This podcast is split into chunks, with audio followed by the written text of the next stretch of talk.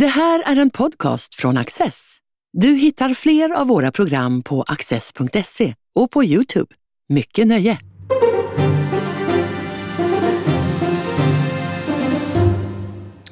Välkomna till Studio Access. Och välkommen säger jag också till min gäst idag, Andreas Johansson Heinö. Eh, mycket trevligt att ha dig här. Tack så mycket. Du är bokförläggare till vardags. Eh, du är också eh, doktor i statsvetenskap från Göteborgs universitet och tillämpar de kunskaperna bland annat eh, när det gäller populistpartier och populistiska rörelser i Europa som du har skrivit mycket om. Ehm, vi har ju ett val framför oss, även om många inte riktigt har kommit att tänka på det ännu. Så går Sverige till val den 9 juni för att välja representanter till EU-parlamentet. Och det där sker ju ungefär samtidigt i alla 27 medlemsländerna. Och de här populistpartierna eh, ser ut att göra mycket väl ifrån sig. Det har de gjort förut, säger du, men det är något speciellt den här gången. Alltså det här är ju partier som har ökat sakta men säkert eh, sitt väljarstöd under ganska många år nu.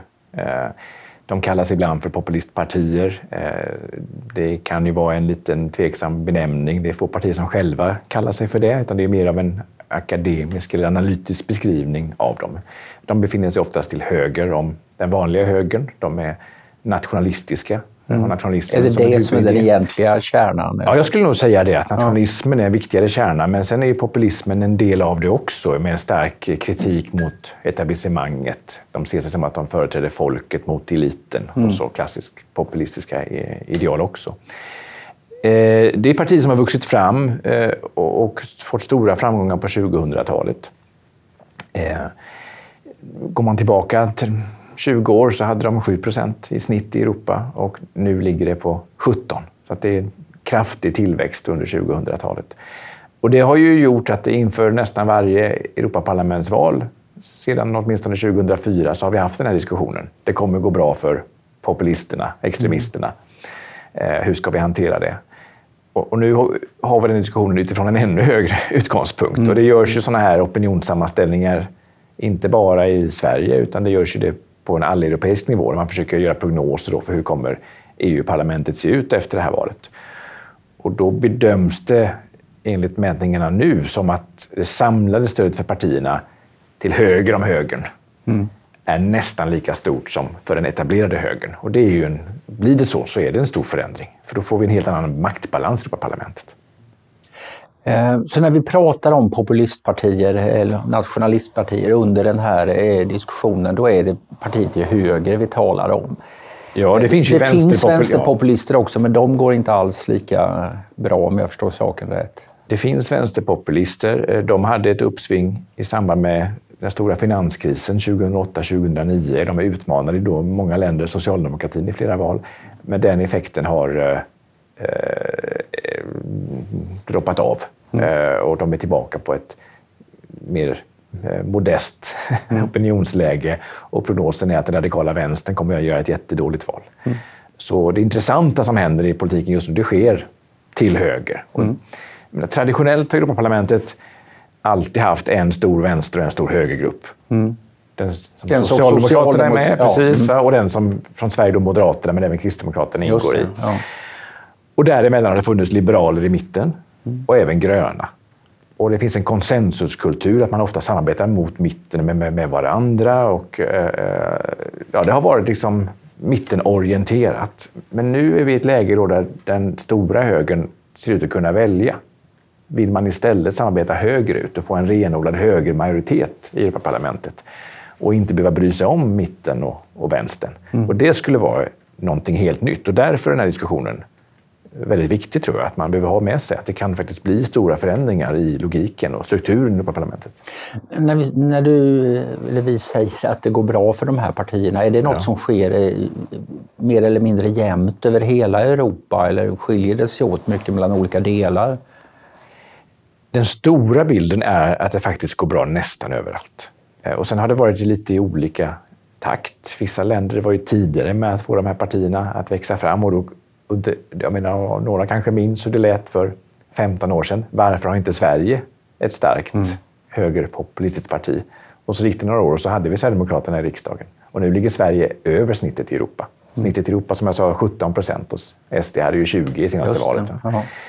Eh, och även i andra länder där det har dröjt, som i Spanien, Portugal, har de också kommit fram. Så att det finns några undantag. Ganska små länder. Mm. Irland, Malta. Mm. Eh, och såklart Storbritannien som inte ens är med i EU. Nej, speciellt, för de hade ju, har ju sitt tvåpartisystem i praktiken. Så nej, det, det är en mycket bred europeisk trend. Men finns det några ställen där den här trenden får särskilt starkt eh, genomslag? Ja, läget just nu är ju att den här typen av partier toppar mätningarna i minst en tredjedel av länderna, beroende lite på hur man räknar. Mm. Eh, och de har ju varit vid makten i många länder. Det är faktiskt färre just nu, eh, för att jag menar, en konsekvens av att det växte över tid var ju att till slut kom man ett läge att man fick släppa in de här partierna i regering. Mm. Så de har suttit i regering i och sitter i regering i länder som Italien, har varit i regering i Österrike. Eh, Finland. Många, eh, Finland. Eh, de har varit stödpartier i Danmark, är stödpartier i Sverige och i väldigt många östeuropeiska länder. Och några är väldigt uppmärksammade för att man där har fört en auktoritär politik, som i Ungern och i Polen. Och i andra länder så har det inte tagit sig de uttrycken än, utan har mest påverkat kanske politikens innehåll, men inte dess former. Ehm, just nu är det ju några länder som där det verkligen är eh, intressant att följa. Ett land är ju Frankrike förstås, där det, som ju är en av föregångarna. Det var där som Jean-Marie Le Pen bildade ett sånt här mm. parti redan på 70-talet, som fick framgång redan på 80-talet. De har aldrig varit vid makten. De leder mätningarna. De vann, har tidigare vunnit Europaparlamentsval i Frankrike. Mm, om tre år är det presidentval igen. Marine Le Pen leder alla mätningar inför det valet. Det mm. finns en högst realistisk möjlighet att, att eh, Marine Le Pen då skulle kunna bli president i Frankrike till exempel. Det, och, och, där har ju den traditionella högern försvagats så mycket. Den är ju inte i närheten av lika stor som, som eh, eh Nationell samling, som det här partiet heter. Mm. Även den traditionella vänstern har väl försvagats. Socialistpartiet har ju Precis. gått oerhört dåligt ja. i eh, så det är väl eh, Macrons, eh, nuvarande franske presidentens parti som utgör en mycket stor del av den liberala gruppen i, i Den dominerar ja. En grupp som ju då fick byta namn från Liberalerna till Just det, som just ordet liberal är fortfarande lite laddat i Frankrike. Ah, men, men i praktiken så det ligger det ju nära vad vi i Sverige menar med liberalism. Mm. Vad, vad kan nu detta få för följder? Då? Vad om, kommer man att se stora politiska förändringar i sak också? Ja, det beror ju lite på. Det här är ju partier som såklart förenas av, för det första, de är allihop eh, väldigt negativa till invandring eh, och de vill att EU ska vara, användas för att minska invandringen till Europa. Eh, de är emot de flesta samarbeten som inte resulterar i att en kraftigt minskad invandring. De är generellt skeptiska till klimatpolitiken, tycker att det är en felprioritering. De har ekonomiska frågor överlag en mer protektionistisk syn. Eh, de har rört sig lite över tid. De befinner sig ofta i någon slags mittenposition på vänster-högerskalan med en svag rörelse kanske vänsterut. Eh, de gillar skattesänkningar så länge man tar pengarna från vad man tror då invandringen kostar, men man vill inte skära i välfärd. Ehm, man är skeptiska till frihandel och liknande. Så att det, det, mm, som är en protektionistisk syn, stöd till de egna jordbrukarna till exempel. Och så. Mm. Eh, sen är de ju väldigt, väldigt splittrade i viktiga frågor som till exempel synen på Ryssland. Mm. Eh, flera av de här partierna har historiskt fått ekonomiskt stöd, finansierats direkt ifrån Moskva. Mm. Eh, på ett sätt som påminner om hur Moskva förr i tiden finansierade kommunistpartier ja, i Västeuropa nej, så har ju det levt vidare här partier, till exempel eh, Le Pens parti i Frankrike, det österrikiska frihetspartiet, är sådana som man mer eller mindre har belagt har, har finansierats av Putin och Putin-pengar. Eh, och det där har ju blivit komprometterande. Det är ju inte så gångbart i opinionen i, i Europa att vara associerade med Ryssland de senaste åren. Och många av partierna här har också vänt Ryssland ryggen och vill liksom eh, starkt antiryska. Eh, medan andra fortfarande är hyfsat lojala. Eh, så där finns det en splittring inom den här gruppen och den i sig är så pass allvarlig att den verkligen försvårar samarbetet dem emellan. Mm. För det som också är speciellt, då, jag pratade ju förut om hur stora de här partierna kan bli, de är ju redan som det är nu splittrade på olika partigrupper. I det parlament vi har just nu i Europa så finns det två partigrupper till höger om den stora etablissemangshögern, om vi kallar det så. Eh, och det har sett lite olika ut efter varje val. Det har bildats grupper ibland som inte har överlevt särskilt länge, just för att partierna har lite olika inriktningar och svårt att samarbeta med varandra. Mm. Och det har alltid funnits drömmar om en sån här supergrupp, att slå ihop alla de här nationalistpartierna till en stark grupp. Det är nog fortfarande ganska orealistiskt. För där finns väl partier som nu har verkligen diametralt motsatta uppfattningar. Om vi tar de här alternativen för Deutschland ja. som, eh, som verkar växa eh, ganska rejält. De, de, är ju i mycket hög grad såna här putin som man säger på tyska, som, som är, har stor förståelse för de ryska intressena och är emot ja. den eh, tyska hjälpen till Ukraina och sånt där. Ja. Samtidigt finns ju en sån som eh, Giorgia Meloni och hennes parti i, ja. i den italienska eller premiärministern. Fratelli d'Italia som ju har kanske förvånat många genom att vara mycket tydligt för Ukraina mot ryssarna. Meloni är ju intressant. Hennes parti har ju rötter som påminner om Sverigedemokraterna, det vill säga det går trådar rakt tillbaka till högerextremism och fascism. Mm. Men hon har förvandlat sitt parti till ett mer moderat konservativt högerkonservativt, nationalkonservativt parti. Mm. Hon möts ju av hyllningsartiklar i europeisk press över hur hon leder Italien och hur hon är konsekvent eh, liksom, pragmatiskt och eh, inriktad i Europapolitiken. Medan till exempel en mm, Forza Italia, Berlusconis gamla skapelse, var ju nära vänner med, med, med, med, med Putin. Och som du säger, AFD i Tyskland, 20 procent i mätningarna för ett parti som proryskt under pågående krig eh, och också många högerextremistiska element. Det finns en diskussion om att förbjuda partiet ibland till och med. Så det förstår man kanske själv hur svårt det är att samla den typen av krafter eh, här. Och det, det försvårar ju såklart för dem. Och då kan man ju se strategin då från EPP, för då kan man jämföra kanske med den debatt vi känner igen från, från Sverige de senaste tio åren. Hur ska, hur ska de etablerade partierna förhålla sig till Sverigedemokraterna? Då sa ju länge även Moderaterna nej, vi ska aldrig samarbeta. Mm. Och så kom man i ett läge där man inte hade råd att tacka nej till de här mandaten och försöka i alla fall. Lite där befinner sig ju EPP då på en aggregerad nivå i Europaparlamentet. Mm. Hur ska vi förhålla oss till alla de här mandaten till höger om oss? Och då har man skickat ut Ursula von der Leyen då, som ska kandidera igen till kommissionsordförande. Har eh, eh, eh, börjat prata nu i termer av att vi kan samarbeta med en del av de här partierna förutsatt att de uppfyller några kriterier. De måste vara ovillkorligt pro-Ukraina, anti-Ryssland mm. och för rättsstaten. Det utesluter partier som då det ungerska Fidesz som ju har mm. monterat ner delar av den ungerska demokratin under sina 14 år. Men också alternativet för Deutschland. Alternativet det är väl mycket svårt att se CDU agera Otänkbart. tillsammans. Alltså det stora kristdemokratiska partiet i Tyskland samarbetar med det, det här ja, högerextrema ja, partiet som AFD Det är otänkbart. Ja. Så det bygger på, och det är ju därför, då är det också en, en i bästa av världar för EPP så kan man samarbeta med de partierna man gillar här och få starkare mandat i Europaparlamentet. Samtidigt som man också splittrar dem emellan och försvårar framväxten av en sån här supergrupp. Att man mm. ytterligare förstärker skillnaden mellan de rumsrena och de extrema. För, ja, men Europaparlamentet är ju inte riktigt som ett parlament eh, i, i annat fall att det liksom finns en eh, Eh, en regeringssida och en opposition utan man söker ju majoriteter i varje enskild eh, fråga. Så det är väl möjligt att det blir, eh, kommer att bli så även fortsättningsvis. Men att det då kanske, ja, mittlinjen har förskjutits åt det här högerhållet och att det blir mer av sån politik. Ja, det är ju det är på gott och ont det är så. Det fin, det fin, vi, vi, vi, pratar ju ofta om det negativa med polarisering och man kan titta på den amerikanska kongressen som exempel på hur det mm. går när partigrupperna inte kan samarbeta längre och verkligen går mot kanterna. Mm. Det har ju varit en styrka på parlamentet att det finns den här pragmatiska förhandlingskulturen, man söker konsensus. En skicklig förhandlare i ett ämne kan hitta stöd i alla partigrupper nästan eh, och övertala och kompromissa fram. Mm. Baksidan är ju att det gör det svårt för väljarna att förstå vad som händer. Det är svårt när man ska rösta sen med ansvarsutkrävande. EU har beslutat det här. Vem ligger bakom det beslutet? Mm. Fanns det en opposition som sa nej? Som man kan rösta på om man vill ha någonting annat? Nej, det är väl ofta väldigt otydligt.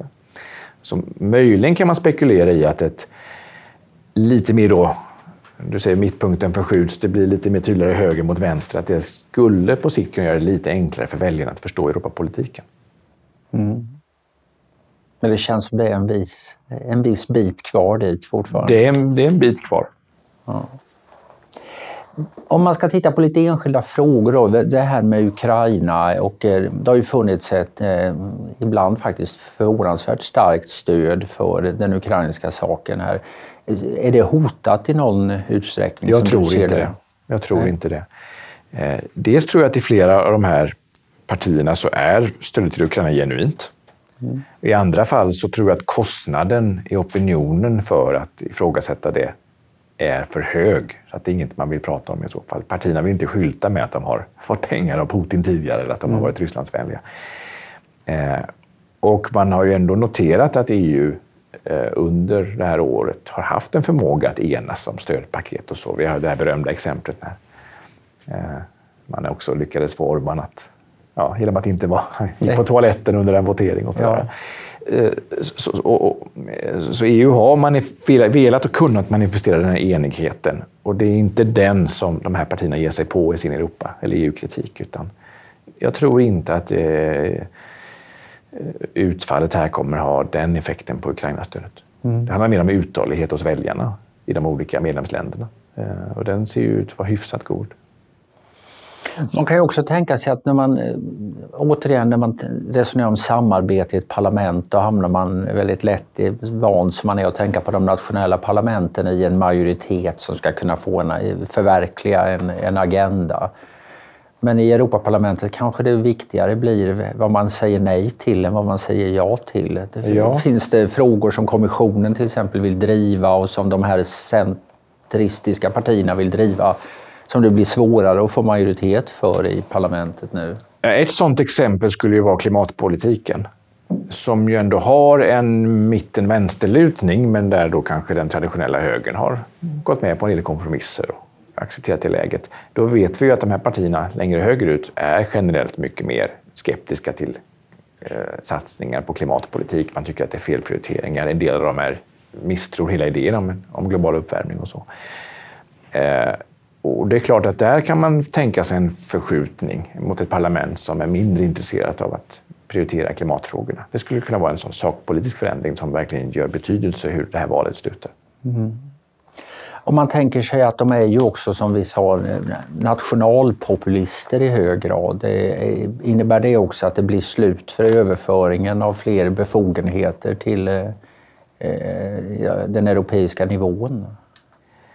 Ja, det kanske inte till helt och hållet. Det får man väl titta på det, olika, de olika områdena. Men generellt är de ju mindre positiva till det.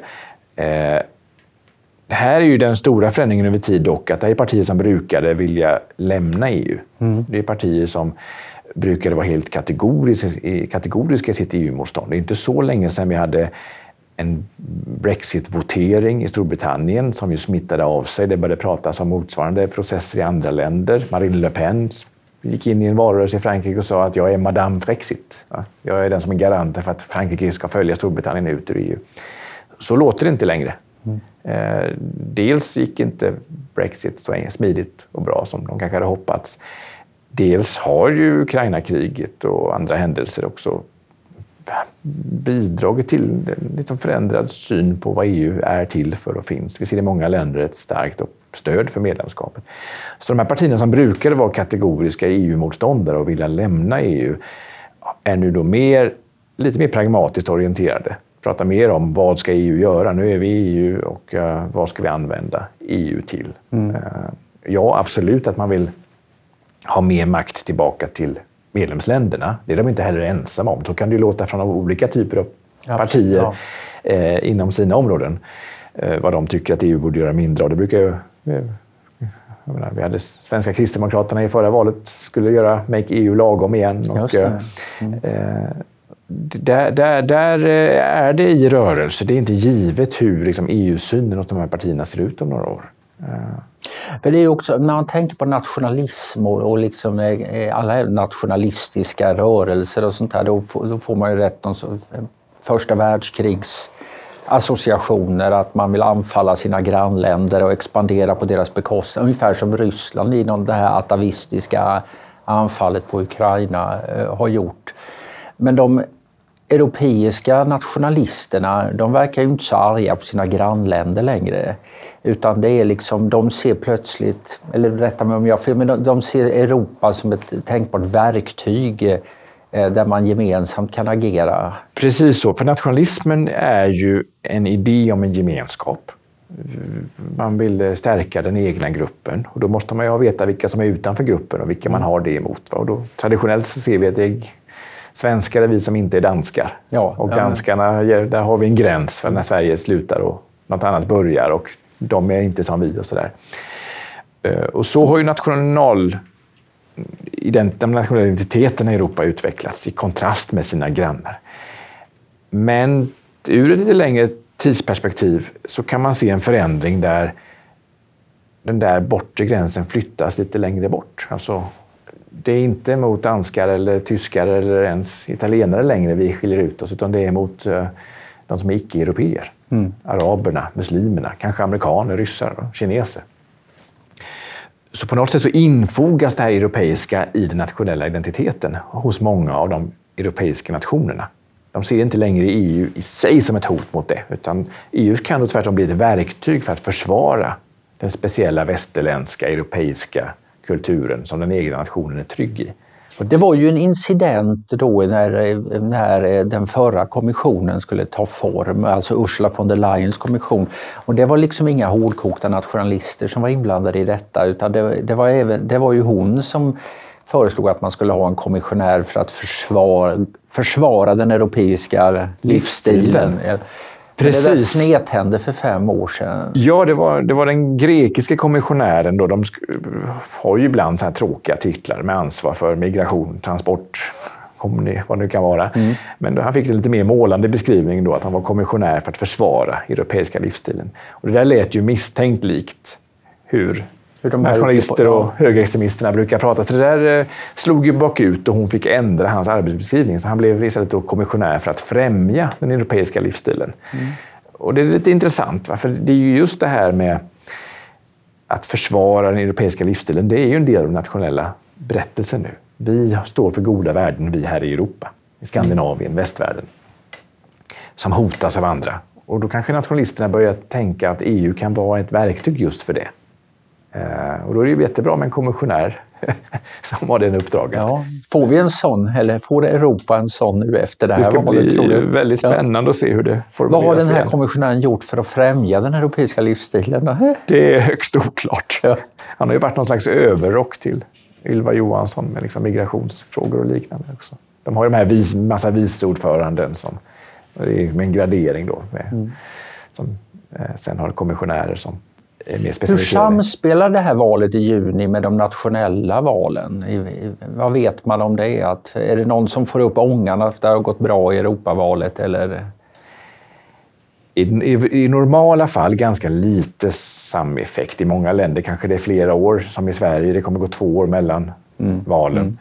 Man kan såklart tänka sig, om det går väldigt dåligt för ett parti i ett Europaparlamentsval, så skapar det en intern debatt i partiet. Vart, vi, nu tappade vi vår enda Ja, man kan se framför sig hur Liberalerna, eller Centerpartiet eller Miljöpartiet skulle förlora sitt, sin Europaparlamentariker. Det Vad kan... har vi? 21 mandat? Ja, i Europaparlamentet. Så, det krävs så man ju, behöver en 5 procent? Ja, nästan 4, någonting ja. beroende på hur det faller ut lite grann. Så det är ungefär som att komma in i ett riksdagsval, ja. aningen svårare.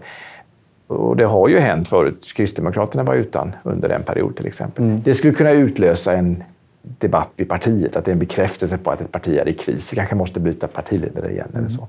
Sen tittar man runt i Europa, det finns ju några val som är oerhört intressanta. Till exempel det är sista gången som Macron går till val. Mm. Han får inte ställa upp som president mm. nästa gång. Det. Så det här är hans sista valrörelse. Och han går in i den i ett läge då med Le Pen mycket mer populär. Eh, det är sista striden för mm. honom ja, mot det. Vi har i Polen vad som blir en returmatch. I höstas så röstade ju då eh, väljarna bort det här nationalkonservativa lag och rättvisa från regeringsmakten. De som har på flera områden begränsat demokratin mm. med liksom tveksamma eh, förhållning, alltså, inkräktat på medier och oberoende domstol och så här. Eh, och där pågår ju just nu en mycket het debatt om hur den nya regeringen, går den för hårt fram i att återställa mm. att man har äh, tillsätta sitt folk och så. Nu ska det röstas igen då ett halvår efter det valet. Ja, kan man tänka sig att det blir en seger för Donald Tusk igen? Då skulle det stärka hans mandat både i Polen men också i Europa. Mm. Polen vill ju vara en stormakt. Absolut. EU. Skulle han däremot gå dåligt i det här valet och Lag och rättvisa igen blir det största. Va? Det, det påverkar såklart utfallet vad som händer i polsk politik framöver. Då får de momentum och det försvagar Polen i EU. Mm. Tyskland som ett tredje exempel där vi ser splittringar både på vänster och högerkanten. Det gamla vänsterpartiet i Linke har fått avhoppare som bildar ett mer radikalt vänsterpopulistiskt alternativ. Du nämnde AFD förut som ju mm, ja. har radikaliserats och som ligger jättehögt i mätningarna. Så, så vissa av de här valen är ju högintressanta, inte bara på europeisk utan också på nationell nivå. Det är inte bara du och jag som eh, funderar på de här frågorna i dessa dagar utan eh, det är ett samtalsämne i många olika forum. Tidskriften Economist eh, ägnar sitt senaste nummer åt att varna för den här nationalkonservatismen. Och de är ju liberaler, värnar marknadsekonomin och ser med oro på protektionism och viss förtjusning i statsföretagande och sånt där. Eh, sen när de ska koka ihop någon, eh, någon medicin för att liksom eh, vända den här trenden med starka sådana här partier, då blir det rätt mycket att man måste ta oro på allvar och, och adressera de här, visa respekt för väljarna och sånt här. Om man var i, liksom i den här du, för, du arbetar ju på en marknadsekonomisk tankesmedja, Timbro, och är det rätt sätt för mainstream att hantera den här utmaningen om man vill bli framgångsrik? Den dåliga nyheten är väl att det som Economist föreslår låter ju väldigt likt vad vi har prövat i Sverige och vad många sådana som du och jag och andra för tio år sedan skrev om att någonting håller på att hända, det här måste vi liksom hantera. Mm. Vi kan inte ducka de här frågorna, vi måste ha politiska svar eh, som, som möter väljarna. Och som ju svenska partier gjorde. Och man, eh, Tidö är ett sådant exempel på att man avdramatiserar, man samarbetar, man mm. förhandlar, man ser vad man kan göra för resultat. Vi får se var det landar rent politiskt, men opinionsmässigt har ju inte det punkterat. Sverigedemokraterna går inte sämre nu än de gjorde innan valet. jag tror inte att det är en medicin som innebär att de här partierna kommer att sjunka undan eller tappa. Ehm, däremot tycker jag Economist har ju helt rätt i att de påminner om just den här den, den ekonomiska politiken åt de här partierna. Den har kanske varit underrapporterad. Det har varit mycket fokus på deras rötter mm. och såklart på invandringsfrågan. Men, men, att man ska inte glömma bort att den ekonomiska politiken är alltid jätteviktig och det är partier som förenas i att de tror inte på rörlighet heller för varor och tjänster. Eh, inte bara invandring, va? utan man, man är tveksamma till när kapital flyttar mellan länder och tjänster. De är protektionistiska och har en annan syn på ekonomin. Att det går trögt med den europeiska tillväxten, skulle du säga att det beror på att styrande runt om i Europa antingen är, är nationalkonservativa eller att de försöker parera nationalkonservativa framgångar? Eh, ja, i kombination med att de där idéerna finns ju traditionellt till vänster också. Mm. Tron på, på eh, regleringar och eh, eh staten som motor i ekonomin. Det var ju ganska länge sedan vi hade någon slags bred framtidstro kring eh, marknadens förmågor och tillväxten i centrum och frihet på det ekonomiska området. Där har ju, vi hade ett 80-tal och ett 90-tal som präglades mycket av ekonomiska reformer, avregleringar, som också mm. gav resultat. I. Sen dess har det varit ganska försiktigt om man, staten ska gå in igen och fixa till. Och vi ska bygga upp våra beredskapslager. Vi ska inte lita på att handeln kan försörja oss. Och pandemin var ett, ett exempel där. Å ena sidan kan man hävda att pandemin visade just att vi kan lita till europeiska samarbetet. Vi kan lita till handelsströmmar och, ut, mm. med, och ekonomiska incitament. Att de produkter vi behöver kan faktiskt marknaden till, för, mm. tillförse på väldigt kort sikt. Men ja. politiskt drogs ju andra slutsatser. Ja, vi får se om någon med framgång påminner om, om den linjen. Andreas Jansson Heine, stort tack för att du har gästat oss. Tack för att du fick vara med. Och tack till er för att ni har tittat. Du har just lyssnat på en podcast från Access. Du vet väl att vi också är en tv-kanal och tidning? Teckna en prenumeration idag på access.se.